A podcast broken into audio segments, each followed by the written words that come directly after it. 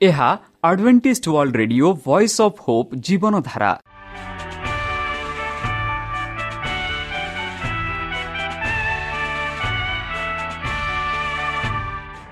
Odia radio କାର୍ଯ୍ୟକ୍ରମ ଯାହା ଆମର ଆନ୍ତର୍ଜାତୀୟ ଆଘାତ କେନ୍ଦ୍ରରୁ ପ୍ରସାରଣ କରାଯାଉଛି ପ୍ରତିଦିନ ରାତି ନଅଟା ତିରିଶ ମିନିଟ୍ରେ। ମୁଁ ସୁବ୍ରତ କୁମାର ପତି ପ୍ରେମର ସହ ଆପଣମାନଙ୍କୁ ଏହି କାର୍ଯ୍ୟକ୍ରମକୁ ସ୍ୱାଗତ କରୁଅଛି। ଚାଲନ୍ତୁ ଆଜିର ତିରିଶ ମିନିଟ୍ର କାର୍ଯ୍ୟକ୍ରମ ବିଷୟରେ ଜାଣିନେବା। ପ୍ରଥମେ ରଖିଛୁ ଆଧ୍ୟାତ୍ମିକ ଭକ୍ତିମୟ ଗୀତ। ଭକ୍ତଙ୍କଠାରୁ ଜୀବନଦାୟକ ଈଶ୍ୱରଙ୍କ ବାକ୍ୟ। ପ୍ରିୟ ଶ୍ରୋତା ତାହେଲେ ଚାଲନ୍ତୁ ଶୁଣିବା ଏକ ଆଧ୍ୟାତ୍ମିକ ଭକ୍ତିମୟ ଗୀତ।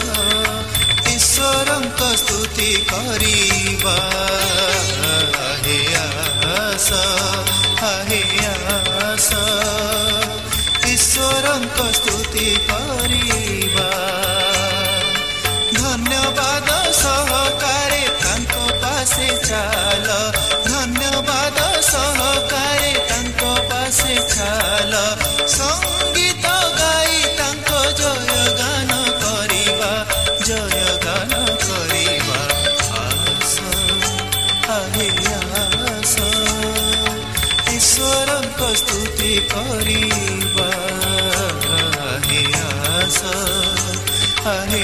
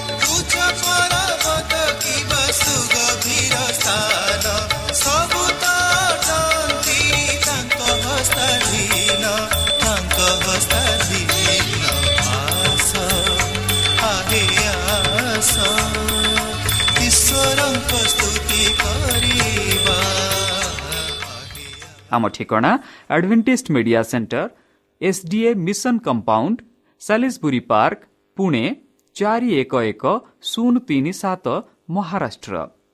ବା ଖୋଲନ୍ତୁ ଆମର ୱେବସାଇଟ୍ ଯେକୌଣସି android phone smartphone desktop laptop କିମ୍ବା ଟ୍ୟାବ୍ଲେଟ୍ ଆମର website W W W dot A W R dot O R G slash O R I ଏବଂ W W W dot Adventist media centre India dot O R G Adventist media centre ଇଣ୍ଡିଆର spelling ହେଉଛି A D V E N T I S T M E D I A C E N T R E I N D I A ବର୍ତ୍ତମାନ ଚାଲନ୍ତୁ ଶୁଣିବା ଈଶ୍ୱରଙ୍କ ଭକ୍ତଙ୍କଠାରୁ ଈଶ୍ୱରଙ୍କ ଜୀବନଦାୟକ ବାକ୍ୟ। ଆତ୍ମା କ'ଣ? ପାର୍ଟ ୱାନ୍ ଭାଗ ଏକ ନମସ୍କାର ପ୍ରିୟ ଶ୍ରୋତା ସେହି ସର୍ବଶକ୍ତି ସର୍ବଜ୍ଞାନୀ ପ୍ରେମର ସାଗର ଦୟାମୟ ଅନ୍ତର୍ଜମୀ ଅନୁଗ୍ରହ ପରମ ପିତାଙ୍କ ମଧୁର ନାମରେ ମୁଁ ପାଷ୍ଟର ପୂର୍ଣ୍ଣଚନ୍ଦ୍ର ଆଉ ଥରେ ଆପଣମାନଙ୍କୁ ଏହି କାର୍ଯ୍ୟକ୍ରମରେ ସ୍ୱାଗତ କରୁଅଛି। ସେହି ସର୍ବଶକ୍ତି ପରମେଶ୍ୱର ଆପଣମାନଙ୍କୁ ଆଶୀର୍ବାଦ କରନ୍ତୁ। ଆପଣଙ୍କୁ ସମସ୍ତ ପ୍ରକାର ଦୁଃଖ କଷ୍ଟ ବାଧା କ୍ଲେଶ ଓ ରୋଗରୁ ଦୂରେଇ ରଖନ୍ତୁ। ଶତ୍ରୁ ସୟତାନ ହସ୍ତରୁ ସେହି ପରମେଶ୍ୱର ଆପଣମାନଙ୍କୁ ସୁରକ୍ଷାରେ ରଖନ୍ତୁ। ସେହି ପରମେଶ୍ୱର ଆପଣଙ୍କର ସମସ୍ତ ମନୋକାମନା ପୂର୍ଣ୍ଣ କରନ୍ତୁ। ତାହାଙ୍କ ପ୍ରେମ ତାହାଙ୍କ ସ୍ନେହ ତାହାଙ୍କ କୃପା ତାହାଙ୍କ ଅନୁଗ୍ରହ ସଦାସର୍ବଦା ଆପଣଙ୍କଠାରେ ସହବର୍ତ୍ତୀ ରହୁ। ତାହେଲେ ପ୍ରିୟ ସଦା ଚାଲନ୍ତୁ। କିଛି ସମୟ ଆମେ ପବିତ୍ର ଶାସ୍ତ୍ରରୁ ତାହାଙ୍କ ଜୀବନଦାୟକ ବାକ୍ୟ ଧ୍ୟାନ କରିବା। ଆଜିର ଆଲୋଚନା ହେଉଛି ଆତ୍ମା କ'ଣ? ହ୍ୱାଟ୍ ଇଜ୍ ଦ ସୋଲ୍ ଆତ୍ମା କ'ଣ? ଯେପରି ଆମେ ଗତକାଲି ଦୁଇ ତିନି ଦିନ ଆମେ ବିଚାର କରିଥିଲୁ ମୃତ୍ୟୁଙ୍କ ବିଷୟରେ ତାଙ୍କ ଆତ୍ମାଙ୍କ ବିଷୟରେ। ଆଜି ବିଶେଷ ଭାବରେ ଆମେ ଆତ୍ମା ବିଷୟରେ ଆଲୋଚନା କରିବା। ଆତ୍ମା କ'ଣ? ଆତ୍ମା ମନ୍ଦ ଆତ୍ମା ଏକ ଭଲ ଆତ୍ମା। ମନ୍ଦ ଆତ୍ମା ଯିଏକି ଶୈତାନ ଦ୍ୱାରା ଶୈତାନର କାର୍ଯ୍ୟ କରେ ଶୈତାନ ପରି କାର୍ଯ୍ୟ ଶୈତାନ ପରି ସେ ଶୈତାନ ପରି ସେ ବ୍ୟବହାର କରେ। ଆଉ ଭଲ ଆତ୍ମା ଭଲ କାର୍ଯ୍ୟ କରେ। ପ୍ରଭୁଙ୍କ ପରି କାର୍ଯ୍ୟ କରେ ଭଲ କାର୍ଯ୍ୟ କରେ। ଏହି ଆତ୍ମା କ'ଣ ତା? ବିଶେଷ ଭାବରେ ଆତ୍ମା କ'ଣ? ଆମେ ଏହି ବିଷୟରେ ଆମେ ଆଲୋଚନା କରିବା। ଯେପରିକି ଜିସାୟ ଭବିଷ୍ୟତ ଭକ୍ତ ଜିସାୟ ବହିରେ ସେ ଲେଖନ୍ତି ଜିସାୟ ସତାବନ ଷୋହଳରେ ସେ ଲେଖନ୍ତି କାରଣ ଆମ୍ଭେ ସର୍ବଦା ବିରୋଧ କରିବା ନୁହେଁ ନାହିଁ ଅଥବା ନିରନ୍ତର କ୍ରୋଧ କରିବା ନାହିଁ। କଲେ ଆତ୍ମା ଓ ଆମ ନିର୍ମିତ ପ୍ରାଣୀ ସକଳ ଆମ ସୁଖରେ କ୍ଷୀଣ ହେବେ। ବନ୍ଧୁ କେଡ଼େ ସୁନ୍ଦର ଭାବରେ ଭବିଷ୍ୟତ ଭକ୍ତ ଜିସାୟ ସେହି ଇସ୍ରାଏଲ ପ୍ରଜାମାନଙ୍କୁ କହୁଛନ୍ତି। ଆଉ ସେହି ବାକ୍ୟ ଆମମାନଙ୍କ ପାଖକୁ ଆସୁଅଛି। ସେ କହନ୍ତି ସର୍ବଦା ବିରୋଧ କରିବା ନାହିଁ। ସର୍ବଦା ବିରୋଧ କରିବାର ଭୁଲ ବୋଲି କହନ୍ତି। ଅଥବା ନିରନ୍ତର କ୍ରୋଧ ହେବାର ମଧ୍ୟ ଭଲ ନାହିଁ। ଆମେ ଏଇ ଯେଉଁ ଦୁଇଟା କଥା ଆମେ ଦେଖୁଛୁ ବିରୋଧ କ୍ରୋଧ। ପ୍ରତ୍ୟେକ ମନୁଷ୍ୟରେ ରକ୍ତରେ ରହିଅଛି। ବିରୋଧ କରିବା ବା କ୍ରୋଧ ହେବା ରାଗିଯିବା ଏହା ପରମେଶ୍ୱରଙ୍କ ଦ୍ୱାରା ନିର୍ମିତ ହୋଇନାହିଁ। ଆତ୍ମା ଓ ଆମ ନିର୍ମିତ ପ୍ରାଣୀ ସକଳ ଆମ ସୁଖରେ କ୍ଷୀଣ ହେବେ। ଯଦି ଆମ ସୁଖ ପାଇଁ ଆମେ କ୍ରୋଧ ହେବା ଆମ ସୁଖ ପାଇଁ ବିରୋଧ କରିବା ତେବେ ଅନ୍ୟ ଜୀବିତମାନେ ମଧ୍ୟ ଆମ କ୍ରୋଧ ଯୋଗୁଁ ଆମ ବିରୋଧ ଯୋଗୁଁ ସେମାନେ କ୍ଷୀଣ ହେବେ। ଏଥି କାରଣରୁ ତୁମେ ଏହା ସବୁ କର ନାହିଁ ବୋଲି ଜିସା ଭବିଷ୍ୟତ ବକ୍ତା କହନ୍ତି ଯେହେତୁ ଆତ୍ମା ହେଉଛି ପରମେଶ୍ୱରଙ୍କର। ଆୟୁବ କହନ୍ତି ଆୟୁବ ତିରିଶ ପନ୍ଦରରେ ସେ କହନ୍ତି ପୁଣି ଏବେ ମୋର ପ୍ରାଣ ମୋ ଅନ୍ତରରେ ତରଳିଯାଏ କ୍ଲେଶର ଦିନ ସବୁ ମୋତେ ଆକ୍ରା କରିଅଛି। ବନ୍ଧୁ ସେ କହନ୍ତି ମୋର ପ୍ରାଣ। ଆମେ ପ୍ରତ୍ୟେକଙ୍କର ଆପଣା ପ୍ରାଣ। ଆପଣା ପ୍ରାଣକୁ ଆମେ ପ୍ରେମ କରିଥାଉ ଭଲ ପାଇଥାଉ। କୌଣସି ବ୍ୟକ୍ତି କହେ ନାହିଁ କି ମୁଁ ଜୀବିତ ରହିବା ପାଇଁ ଚାହୁଁନାହିଁ। ହଁ କହନ୍ତି ବେଲେ ବେଲେ ଏମିତି ପରିସ୍ଥିତି ଆସିଥାଏ। ଆଉ ଯେଉଁ ପରିସ୍ଥିତିରେ ସେମାନଙ୍କୁ ଜୀବନ ଜୀବିତ ରହିବା ପାଇଁ ଏକ ଆଶା ନଥାଏ ସେମାନେ କହନ୍ତି କି ମୁଁ ବଞ୍ଚିବାକୁ ଚାହେଁ ନାହିଁ। ମାତ୍ର ପ୍ରତ୍ୟେକ ବ୍ୟକ୍ତି ପ୍ରତ୍ୟେକ ଜନ୍ତୁ ଜୀବ ଚାହାନ୍ତି କି ସେମାନେ ବଞ୍ଚି ରହନ୍ତୁ। ଯେପରି ସେହିପରି ଆମେମାନେ ମଧ୍ୟ ବଞ୍ଚି ରହିବା ପାଇଁ ଆମେ ଚାହୁଁଛୁ। ଏଥିଯୋଗୁଁ ଆୟୁବ ଲେଖନ୍ତି ଏବେ ମୋର ପ୍ରାଣ ମୋର ଅନ୍ତରରେ ତରଳିଯାଏ କ୍ଲେଶର ଦିନ ସବୁ ମୋତେ ଆକ୍ରା କରିଅଛି। ଯେଉଁ କ୍ଲେଶ ଯେଉଁ ଦୁଃଖ ଯାହା ଆମେ ଆୟୁବଙ୍କ ଜୀବନରେ ଆମେ ଦେଖୁଅଛୁ। ଯିଏକି ସବୁକିଛି ହରାଇଥିଲେ ପରିଶେଷ ଆପଣା ପତ୍ନୀ ବି ତାକୁ ପ୍ରତ୍ୟାଖ୍ୟାନ କରି ଚାଲି ଯାଇଥିଲେ। ଆଉ ଯେଉଁ କଷ୍ଟରେ ସେ ଜୀବନକୁ ବିତାଉଥିଲେ ଆଉ ସେଇ କ୍ଲେଶରେ ସେ କହନ୍ତି କି ମୋ ପ୍ରାଣ ମୋର ପ୍ରାଣ ଏଇଟା। ଏହା ଅନ୍ତରରେ ତରଳି ଯାଉଛି। ତାହା ନୁହେଁ କ୍ଲେଶର ଦିନ ସବୁ ମାତ୍ରେ ଆକ୍ରା କରିଅଛି। ସବୁଦିନ ଏକ କ୍ଲେଶରେ ଭରି ଅଛି ବୋଲି ସେ କହନ୍ତି। ଆଦି ଦୁଇ ସାତରେ ଆମେ ପାଉଅଛୁ ଅନନ୍ତର ସଦାପ୍ରଭୁ ପରମେଶ୍ୱର ଭୂମିରୁ ଧୂଳି ଦ୍ୱାରା ମନୁଷ୍ୟକୁ ନିର୍ମାଣ କରି ତାହାର ନାସିକାନ୍ଦ୍ରରେ ଫୁଙ୍କ ଦେଇ ପ୍ରାଣବାୟୁ ପ୍ରବେଶ କଲା କରାଇଲେ ତହିଁରେ ମନୁଷ୍ୟ ଜୀବିତ ପ୍ରାଣୀ ହେଲେ। ବନ୍ଧୁ ସେହି ଆତ୍ମା ହେଉଛି ପ୍ରାଣ। ଆମେ ଯଦି ଦେଖିବା ଆଦି ଦୁଇ ସାତ ମଣିଷକୁ କିପରି ପରମେଶ୍ୱର ନିର୍ମାଣ କରିଥିଲେ। ଆମେ ଦେଖୁଅଛୁ ଯଦି ଆମେ ଗୋଟିଏ କୁମ୍ଭାର ଘରକୁ ଯିବା ସେ କୁମ୍ଭାର ସେ ମାଟିକୁ ନିଏ ସବୁ ମାଟିର ସବୁ ପଥରକୁ ବାହାର କରିଦିଏ ତାକୁ ପରିଷ୍କାର କରିଦିଏ କୋମଳ କରିଦିଏ ଆଉ ସେ ମାଟିକୁ ନେଇ ଏକ ଚକ ଉପରେ ଥୋଇ ତାକୁ ସୌନ୍ଦର୍ଯ୍ୟ ଏକ ପାତ୍ର ତିଆର କରେ। ସେହିପରି ମନୁଷ୍ୟକୁ ଆପଣା ପ୍ରତିରୂପେ ସେହି ମାଠିରୁ ଏକ ସୌନ୍ଦର୍ଯ୍ୟ ପ୍ରତିମା କଲେ। ଆଉ ସେହି ପ୍ରତିମାକୁ ଆମେ ଯେପରି ଦେଖୁଅଛୁ ଆଦି ଦୁଇ ସାତରେ ଅନନ୍ତର ସଦାପ୍ରଭୁ ପରମେଶ୍ୱର ଭୂମିର ଦୂଳି ଦ୍ୱାରା ମାନେ ମାଠି ନେଇ ପରମେଶ୍ୱର ଏକ ସୌନ୍ଦର୍ଯ୍ୟ ପୁତଳା କଲେ। ସେଇ ପୁତଳାକୁ ସେଇ ପୁତଳାକୁ ପରମେଶ୍ୱର ଆପନା ପ୍ରାଣ ଦେଲେ। କିପରି? ସେ ନାସିକାର କେନ୍ଦ୍ରରେ ଫୁଙ୍କ ଦେଇ ଆପନା ବାୟୁ ପ୍ରବେଶ କରାଇଲେ ତହିଁରେ ମନୁଷ୍ୟ ଜୀବିତ ପ୍ରାଣ ପ୍ରାଣୀ ହେଲା ବୋଲି ଆମେ ଦେଖୁଅଛୁ। ମାନେ ଏହାର ଅର୍ଥ ହେଉଛି ଆତ୍ମା ଯାହା ଆମେ ଆଲୋଚନା କରୁଛୁ ସେଇ ଆତ୍ମା ହେଉଛି ପରମେଶ୍ୱରଙ୍କର ଜୀବନ। ସେଇ ଜୀବନ ପରମେଶ୍ୱର ମାନଙ୍କୁ ଦେଇଛନ୍ତି। ଆଉ ସେଇ ଜୀବନ କେବେ ଦେଇଛନ୍ତି? ଆଦମଙ୍କ ଦ୍ୱାରା ଆମେ ସେଇ ଜୀବନକୁ ଆଜି ଯାଏ ପାଇଅଛୁ ଆଉ ସେଇ ପରମେଶ୍ୱର କହନ୍ତି ସେଇ ଆତ୍ମା ତାହା ହେଉଛି ଆତ୍ମା।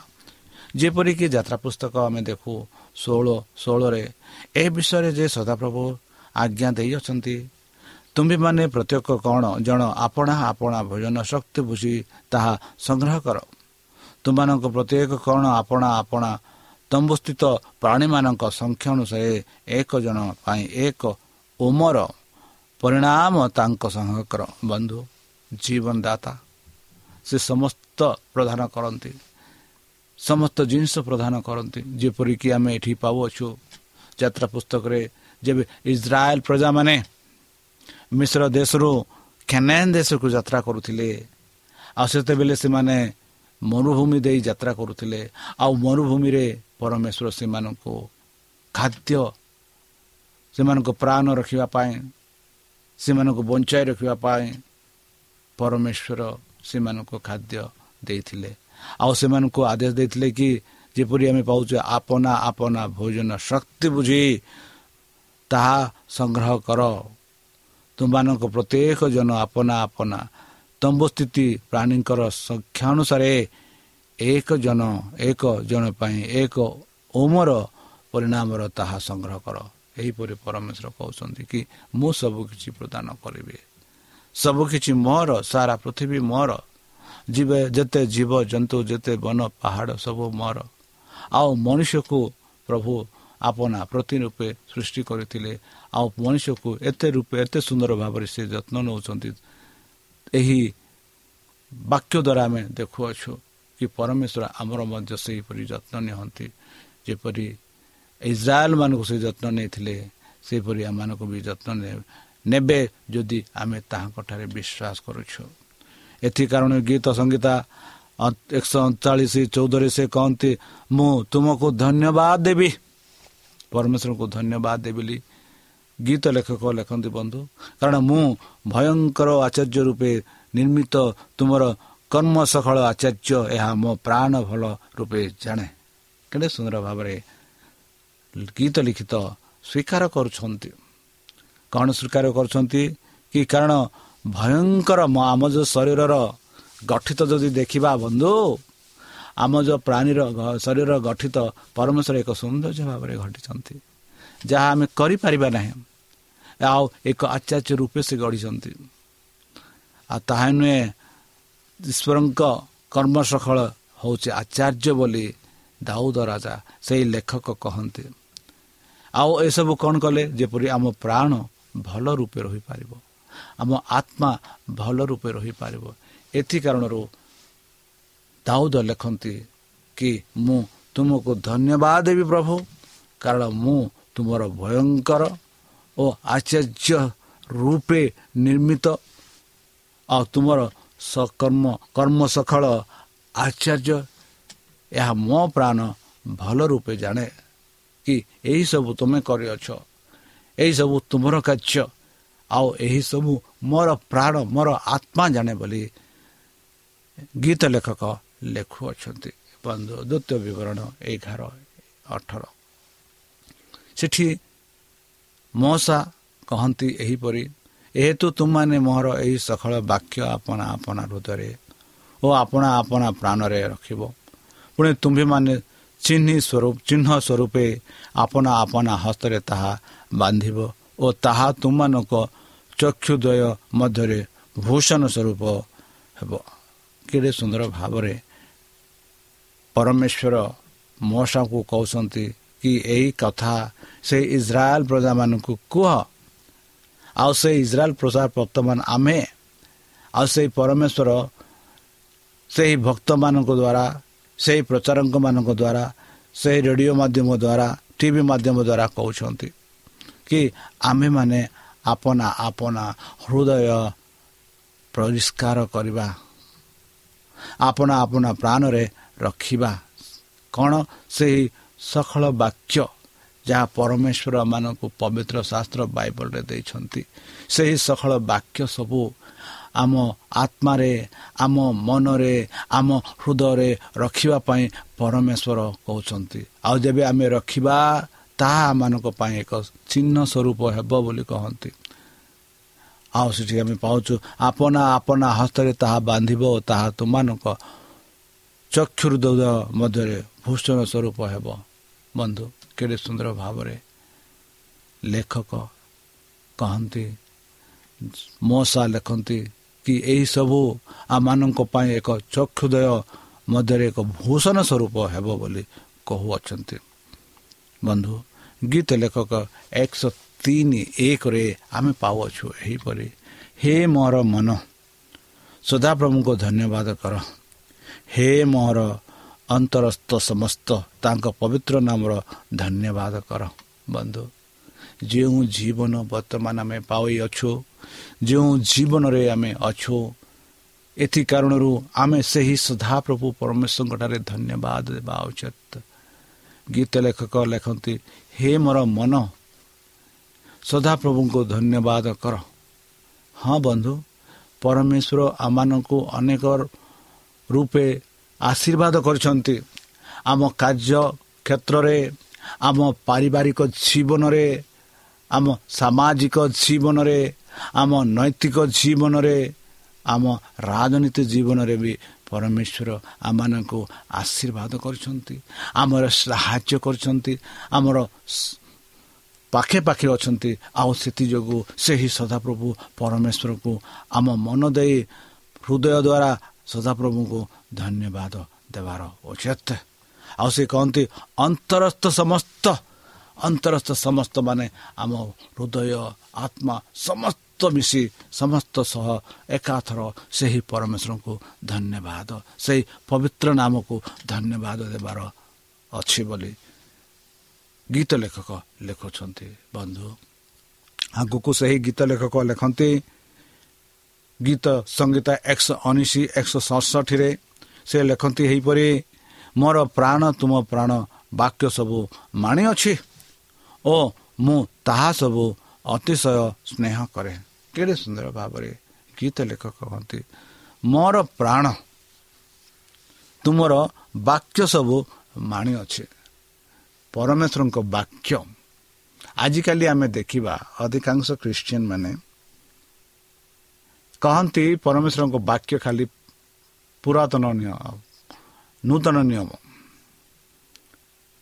ମାତ୍ର ଆମେ ଦେଖୁ ବାଇବଲ ହେଉଛି ଦୁଇ ଦୁଇ ଖଣ୍ଡ ଏକ ପୁରାତନ ନିୟମ ଏକ ନୂତନ ନିୟମ। ପୁରାତନ ନିୟମରେ ଯୀଶୁଖ୍ରୀଷ୍ଟଙ୍କ ବିଷୟରେ କୁହାଯାଇଅଛି। ନୂତନ ନିୟମରେ ଯୀଶୁଖ୍ରୀଷ୍ଟ ସ୍ୱୟଂ ଆସି ତାହାଙ୍କ ବାକ୍ୟ ପରମେଶ୍ୱରଙ୍କ ବ୍ୟକ୍ତିରେ କହୁଛନ୍ତି। ଆଉ ଏଇ ଯେଉଁ ନୂତନ ପୁରାତନ ଏଇ ନୂତନ ପୁରାତନ ସେଇ ସଦାପ୍ରଭୁଙ୍କ ଦ୍ୱାରା ଆସିଅଛି। ଆଉ ସେଇ ବାକ୍ୟ ଯାହା ଆମେ ପାଉଅଛୁ ନୂତନ ନିୟମରେ ସେଇ ବାକ୍ୟ ଆମେ ପାଉଅଛୁ ପୁରାତନ ନିୟମରେ। ପରମେଶ୍ୱର ସେଇ ଆଜ୍ଞାମାନଙ୍କୁ ଦେଇଛନ୍ତି ପୁରାତନ ନିୟମରେ। ଆଉ ସେଇ ଆଜ୍ଞାମାନଙ୍କୁ ନୂତନ ନିୟମ ବି ଦେଇଛନ୍ତି। ଏଥି କାରଣରୁ ସାଧୁ ପାଲ କହନ୍ତି କି ପ୍ରଭୁଙ୍କ ଆଜ୍ଞା ମୋ ହୃଦୟରେ ସଦାସର୍ବଦା ରହେ। ଆଉ ସେହିପରି ଆମେ ପାଉଛୁ ଗୀତ ଲେଖକ ସେ ସୁନ୍ଦର ଭାବରେ କହନ୍ତି କି ତୁମର ବାକ୍ୟ ସବୁ ମୁଁ ମାନି ଅଛି ଗୋଟେ ବାକ୍ୟ ବି ମୁଁ ଛାଡ଼ି ନାହିଁ ସବୁ ବାକ୍ୟ ମୁଁ ମାନି ଅଛି ଆଉ କେମିତି ମାନିଛନ୍ତି? ଅତି ସ୍ନେହରେ ଅତି ସ୍ନେହରେ ପ୍ରେମରେ। ବାଇବଲକୁ ବେଲେ ବେଲେ ଆମେ ଖାଲି ଦେଖୁ ପଢ଼ୁ। ଆଉ ବାହା ଯାହା ପଢ଼ୁ ଆମେ ବେଲେ ବେଲେ ନ ବୁଝିଥାଉ। ଯେହେତୁ ଆମେ ବାଇବେଲ ପଢ଼ୁ ଯେହେତୁ ଆମର ଅଭ୍ୟାସ। ପଢ଼ିବା ପାଇଁ ଇଚ୍ଛା ନୁହଁ ମାତ୍ର ଆମ ଗୋଟେ ଏକ ଅଭ୍ୟାସ ପଢ଼ିଥାଉ। ମାତ୍ର ଯାହା ପଢ଼ିଛୁ ତାହା ଆମେ ତାକୁ ବୁଝିନଥାଉ ଏଥିଯୋଗୁଁ ଆମେ ପାଉଅଛୁ ଏଠୁ କି ଗୀତ ଲେଖକ ଲେଖନ୍ତି କି ମୁଁ ତାହା ସବୁ ଅତିଶୟ ସ୍ନେହ କରେ। ଯେବେ ପ୍ରଭୁଙ୍କ ବାକ୍ୟକୁ ଆମେ ପ୍ରେମ କରୁ ସ୍ନେହ କରୁ ତେବେ ସେଇ ବାକ୍ୟରେ ବୁଝିବା ପରେ ଆମକୁ ସହଜ ହୋଇଯାଇଥାଏ। ରୋମିଓ ସାତ ପଚିଶରେ ସାଧୁପାଲ ଲେଖନ୍ତି ଏହିପରି ଆମମାନଙ୍କ ପ୍ରଭୁ ଯୀଶୁଖ୍ରୀଷ୍ଟଙ୍କ ଦ୍ୱାରା ଈଶ୍ୱରଙ୍କ ଧନ୍ୟବାଦ ହେଉ। ଅତବେ ମୁଁ ନିଜେ ମନ ଦ୍ୱାରା ଈଶ୍ୱରଙ୍କ ବାକ୍ୟସ୍ତର ବାକ୍ୟସ୍ତର ଦାସ କିନ୍ତୁ ଶରୀର ଦ୍ୱାରା ପାପ ବ୍ୟବସ୍ଥାର ଦାସ ଅଟେ। ବନ୍ଧୁ ସାଧୁପାଲ ସୁନ୍ଦର ଭାବରେ କି ଆମମାନେ ପ୍ରଭୁ ଯୀଶୁଖ୍ରୀଷ୍ଟଙ୍କ ଦ୍ୱାରା ଈଶ୍ୱରଙ୍କୁ ଧନ୍ୟବାଦ ଦେବା ଉଚିତ। ଯେହେତୁ ପ୍ରଭୁ ଯୀଶୁଙ୍କ ଦ୍ୱାରା ହିଁ ଆମେ ପୁନରୁତ ହେବା। ଯୀଶୁଖ୍ରୀଷ୍ଟ ଏହି ପୃଥିବୀକୁ ଆସିଲେ ମରଣ ହେଲେ ଆଉ ସେ ମରଣକୁ ମୃତ୍ୟୁକୁ ହରାଇଲେ ଆଉ ତାଙ୍କ ବିଜୟ ଯୋଗୁଁ ଆମେ ବିଜୟୀ ହେବା। ଆଉ ପାଉଲ ଲେଖନ୍ତି କି ତାହାଙ୍କ ଦ୍ୱାରା ତାଙ୍କ ନାମ ଦ୍ୱାରା ଯୀଶୁଖ୍ରୀଷ୍ଟଙ୍କ ଦ୍ୱାରା ହିଁ ଆମେ ପରମେଶ୍ୱରଙ୍କୁ ଧନ୍ୟବାଦ ଦେବା ସେ କହନ୍ତି ମୁଁ ନିଜେ ମନ ଦ୍ୱାରା ଈଶ୍ୱରଙ୍କ ବ୍ୟବସ୍ଥାର ଦାସ ଆମେ ମନ ଦ୍ୱାରା ବ୍ୟବସ୍ଥାର ଦାସ କିନ୍ତୁ ଶରୀର ଦ୍ୱାରା ପାପର ବ୍ୟବସ୍ଥା ଦାସ ବନ୍ଧୁ ଆମେ ବ୍ୟବସ୍ଥା ମାନୁ ମାତ୍ର ଶରୀର ରୂପେ ସେ ବ୍ୟବସ୍ଥାକୁ ଉଲ୍ଲଂଘନ କରିଥାଉ ଆଉ ସେଥିଯୋଗୁଁ ଏ କହନ୍ତି ସାଧୁ କହନ୍ତି କି ମୁଁ ଶରୀର ଦ୍ୱାରା ବ୍ୟବସ୍ଥାର ଦାସ ଅଟେ। ବନ୍ଧୁ ଆଉ ଥରେ ଦେଖିବା ଗୀତ ଲେଖକ କଣ କଣ କହନ୍ତି? ଗୀତ ଲେଖକ ଗୀତ ସଂହିତା ତେର ଦୁଇରେ ସେ ଲେଖନ୍ତି ଏହିପରି ମୋ ଦିନ ଯାକ ନିଜ ଅନ୍ତଃକରଣରେ ରଖ ଦୁଃଖିତ ହୋଇ କେତେ କାଳ ମନେ ମନେ ପରାମର୍ଶ କରିବି କେତେ କାଳ ମୋ ଶତ୍ରୁ ମୋ ଉପରେ ଉଚୁଡ଼ିକୃତ ହେବେ। ବନ୍ଧୁ ପରମେଶ୍ୱରଙ୍କ ବାକ୍ୟ ଏହିପରି ଆସେ କି ତୁମମାନଙ୍କୁ ମୁଁ ସାହାଯ୍ୟ କରିବି। ଆଉ ସେ ସାହାଯ୍ୟ ପରମେଶ୍ୱରଙ୍କ ଠାରୁ।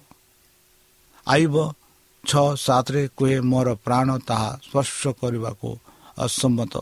ତାହା ସବୁ ମୋ ପ୍ରତି ଋଣିତ ଭକ୍ଷ୍ୟ ସ୍ୱରୂପ। ବନ୍ଧୁ ସାଧୁ ଆୟୁବ ଲେଖନ୍ତି ଏହିପରି ମୋର ପ୍ରାଣ ତାହା ସ୍ପର୍ଶ କରିବାକୁ ଅସମ୍ଭବ ତାହା ସବୁ ମୋ ପ୍ରତି ଋଣିତ ଭକ୍ଷ୍ୟ ସ୍ୱରୂପ ସେହିପରି ଆମେମାନେ ବି କହିପାରିବା। ବନ୍ଧୁ ଆଇବ ତିରିଶ ପଚିଶରେ ଆମେ ପାଉ। ମୁଁ ମଙ୍ଗଳ ଅପେକ୍ଷା କରିବା ବେଳେ ଅମଙ୍ଗଳ ଉପସ୍ଥିତ ହେଲା। ପୁଣି ମୁଁ ଆଲୁଅର ଅପେକ୍ଷା କଲା ବେଳେ ଅନ୍ଧାର ଆସିଲା। କେଡ଼େ ସୁନ୍ଦର ଭାବରେ କହୁଅଛି। ମାତ୍ର ଯେବେ ଏହି ମଙ୍ଗଳ ଅମଙ୍ଗଳ ଘଟିଲା ଆଲୁଅରେ ଅନ୍ଧାର ଆସିଲା ସେହି ସେ ସେତେବେଳେ ସଦାପ୍ରଭୁ ପରମେଶ୍ୱରଙ୍କଠାରେ ସେ ବିଶ୍ୱାସ କଲେ। ଆଉ ସେହି ପରମେଶ୍ୱର ତାହାଙ୍କୁ ସାହାଯ୍ୟ କଲେ। ଆଉ ସେହି ପରମେଶ୍ୱର ତାହାଙ୍କର ସହ ସହବର୍ତ୍ତୀ ଥିଲେ। ତାହେଲେ ପ୍ରିୟସତା ଚାଲନ୍ତୁ। ସେହି ସଦାପ୍ରଭୁ ପରମେଶ୍ୱର ଯିଏକି ଆମର ଜୀବନଦାତା ସେ ଆମମାନଙ୍କୁ ପ୍ରାଣ ଦେଇଅଛନ୍ତି ତାଙ୍କ ପ୍ରାଣ ଯୋଗୁଁ ଆଜି ଆମେମାନେ ବଞ୍ଚିଅଛୁ। ଯଦି ସେ ପ୍ରାଣ ଦେଇନଥାନ୍ତା ତାହେଲେ ଆମେ ବଞ୍ଚି ନଥାନ୍ତୁ। ଯଦି ସେ ପୁନରୁତ ନ ହୋଇଥାନ୍ତା ତାହେଲେ ଆମର ଏକ ଆଶା ନଥାନ୍ତା କି ଆମେ ମୃତ୍ୟୁ ହେଲେ ଆଉ ମୃତ୍ୟୁରେ ଆମର ବିନଷ୍ଟ ବୋଲି। ମାତ୍ର ତାହାଙ୍କ ଜୀବନ ଯିଏକି ପ୍ରାରମ୍ଭରେ ଆଦମକୁ ଦେଇଥିଲେ ସେହି ଜୀବନ ବର୍ତ୍ତମାନ ଆମକୁ ଦେଇଛନ୍ତି। ଆଉ ଯେବେ ମୃତ୍ୟୁ ହେବା ଆଉ ଯେବେ ଆମେ ଜି ଉଠିବା ସେହି ଜୀବନ ଆଉ ଥରେ ପରମେଶ୍ୱର ଦେବେ ଯେପରିକି ଆମମାନେ ସଦାସର୍ବଦା ତାହାଙ୍କଠାରେ ସବୁବେଳେ ବାସ କରିପାରିବା।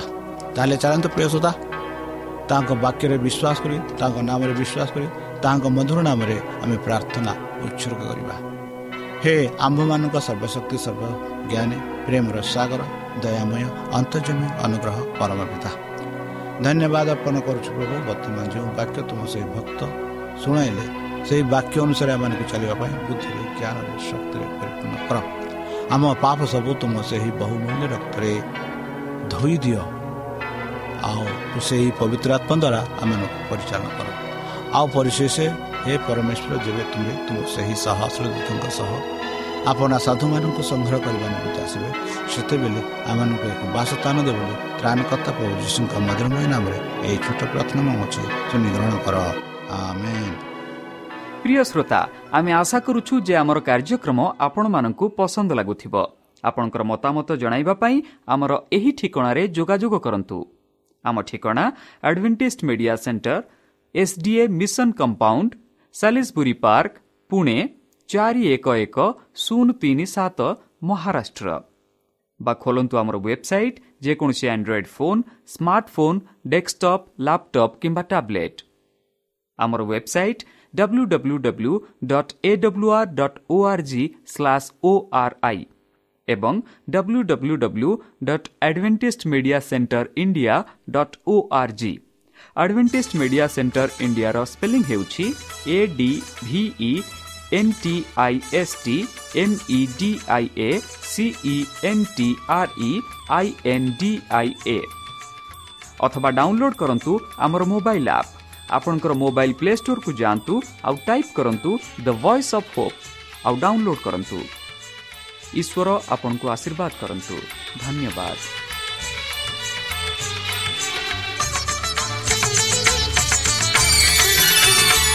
ଆହେ ଆସ ଆହେ ଆସ ଈଶ୍ୱରଙ୍କ ସ୍ତୁତି କରିବା ଆହେ ଆସ ଆହେ ଆସ ଈଶ୍ୱରଙ୍କ ସ୍ତୁତି କରିବା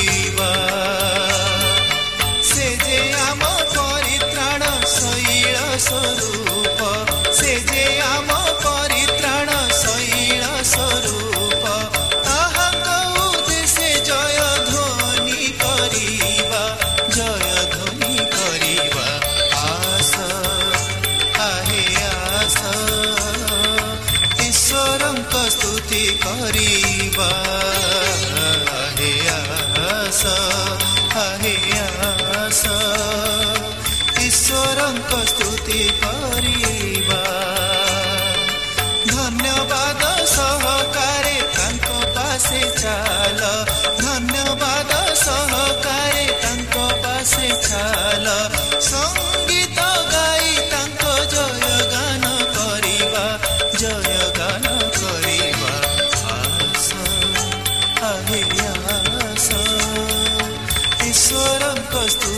ସ୍ତୁତି କରିବା ଆହେ ଆସ ଆହେ ଆସ